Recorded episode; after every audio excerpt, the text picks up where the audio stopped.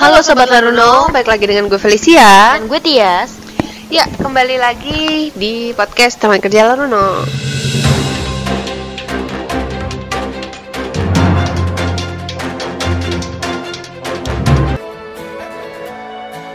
Nah, pengangguran menjadi salah satu ini ya Menjadi salah satu uh, masalah bagi setiap negara nih tapi ternyata nih pengangguran itu ada jenis-jenisnya. Jadi yuk kenali jenis pengangguran di Indonesia. Kata pengangguran selalu ditangkap dengan pengertian yang sangat negatif yang tadi gue bilang ya. Benarkah demikian?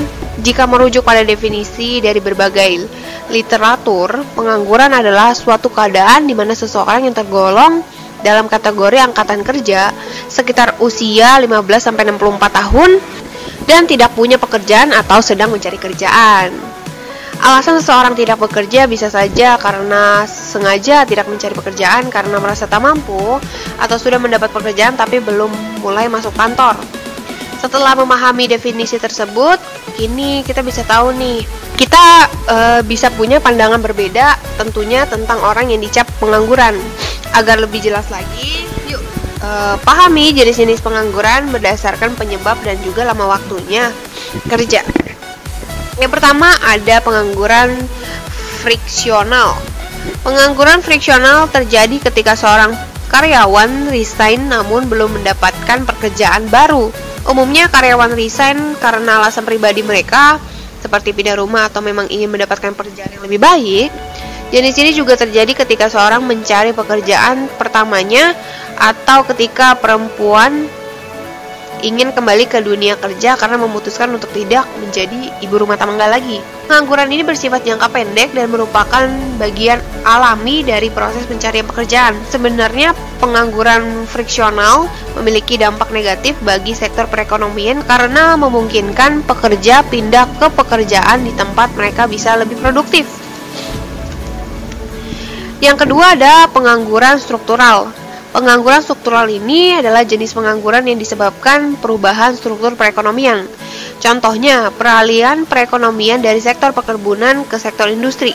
Masyarakat yang ingin bekerja di sektor industri sulit bekerja karena mereka terbiasa seperti di sektor perkebunan hingga harus menyesuaikan diri bila ingin bekerja di kantor industri. Dan yang ketiga ada pengangguran terselubung. Pengangguran terselubung adalah tenaga kerja yang tidak melakukan pekerjaan yang tidak maksimal. Padahal ia bisa melakukan pekerjaan lebih baik. Hal ini terjadi bukan karena keengganan dari dalam diri, namun kemampuannya tidak dibutuhkan sehingga ia menyimpannya. Sebagai contohnya dari pengangguran terselubung ini, produksi sebuah barang sebenarnya hanya membutuhkan dua tenaga kerja, namun, pemilik perusahaan menambah tenaga kerja dengan alasan tertentu. Akhirnya, tiga orang yang diberi tugas memproduksi satu barang bisa berbagi tugas dan tidak harus mengeluarkan seluruh kemampuannya. Nah, yang keempat, ada pengangguran teknologi. Pengangguran teknologi disebabkan oleh adanya peralihan dari tenaga kerja manusia menjadi mesin. Ya, biasanya perusahaan lebih memilih menggunakan tenaga mesin dibandingkan tenaga manusia karena lebih cepat, mudah, dan hemat biaya. Nah, yang terakhir, setengah menganggur. Tenaga kerja yang bekerja, tetapi bila diukur dari sudut jam kerja, pendapatan, produktivitas, dan jenis pekerjaan tidak optimal. Biasanya tenaga kerja setengah menganggur ini merupakan tenaga kerja yang bekerja kurang dari 35 jam selama seminggu. Ya, jadi itu tadi jenis-jenis pengangguran di Indonesia. Kamu termasuk yang mana nih? eh, jangan dong. Pastinya sobat alumni jangan ada yang nganggur ya. Jangan ada pengangguran. Yang ada harus bahan pekerjaan. Hmm, betul. Gak ada nih yang jenis-jenis pengangguran di Indonesia lagi nggak ada nih kayak gini. Sudah berkurang. Ya, betul banget apa kata Tias. Buat kalian yang nganggur coba buat cari kerja ya Tias iya, ya. Enggak cari kerja ya bisnis dong. Iya, di bisnis. Betul. So banyak juga kok pekerja yang beralih ke bisnis. Iya, betul.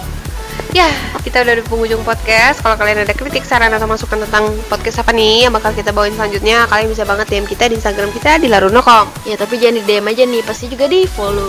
Ya, betul. Karena setiap postingan Laruno itu bermanfaat buat kalian semua. Oke. Okay. Ya, kita berdua pamit. Gue Felicia. Gue Tias. Sampai jumpa di podcast teman kerja lainnya. Bye.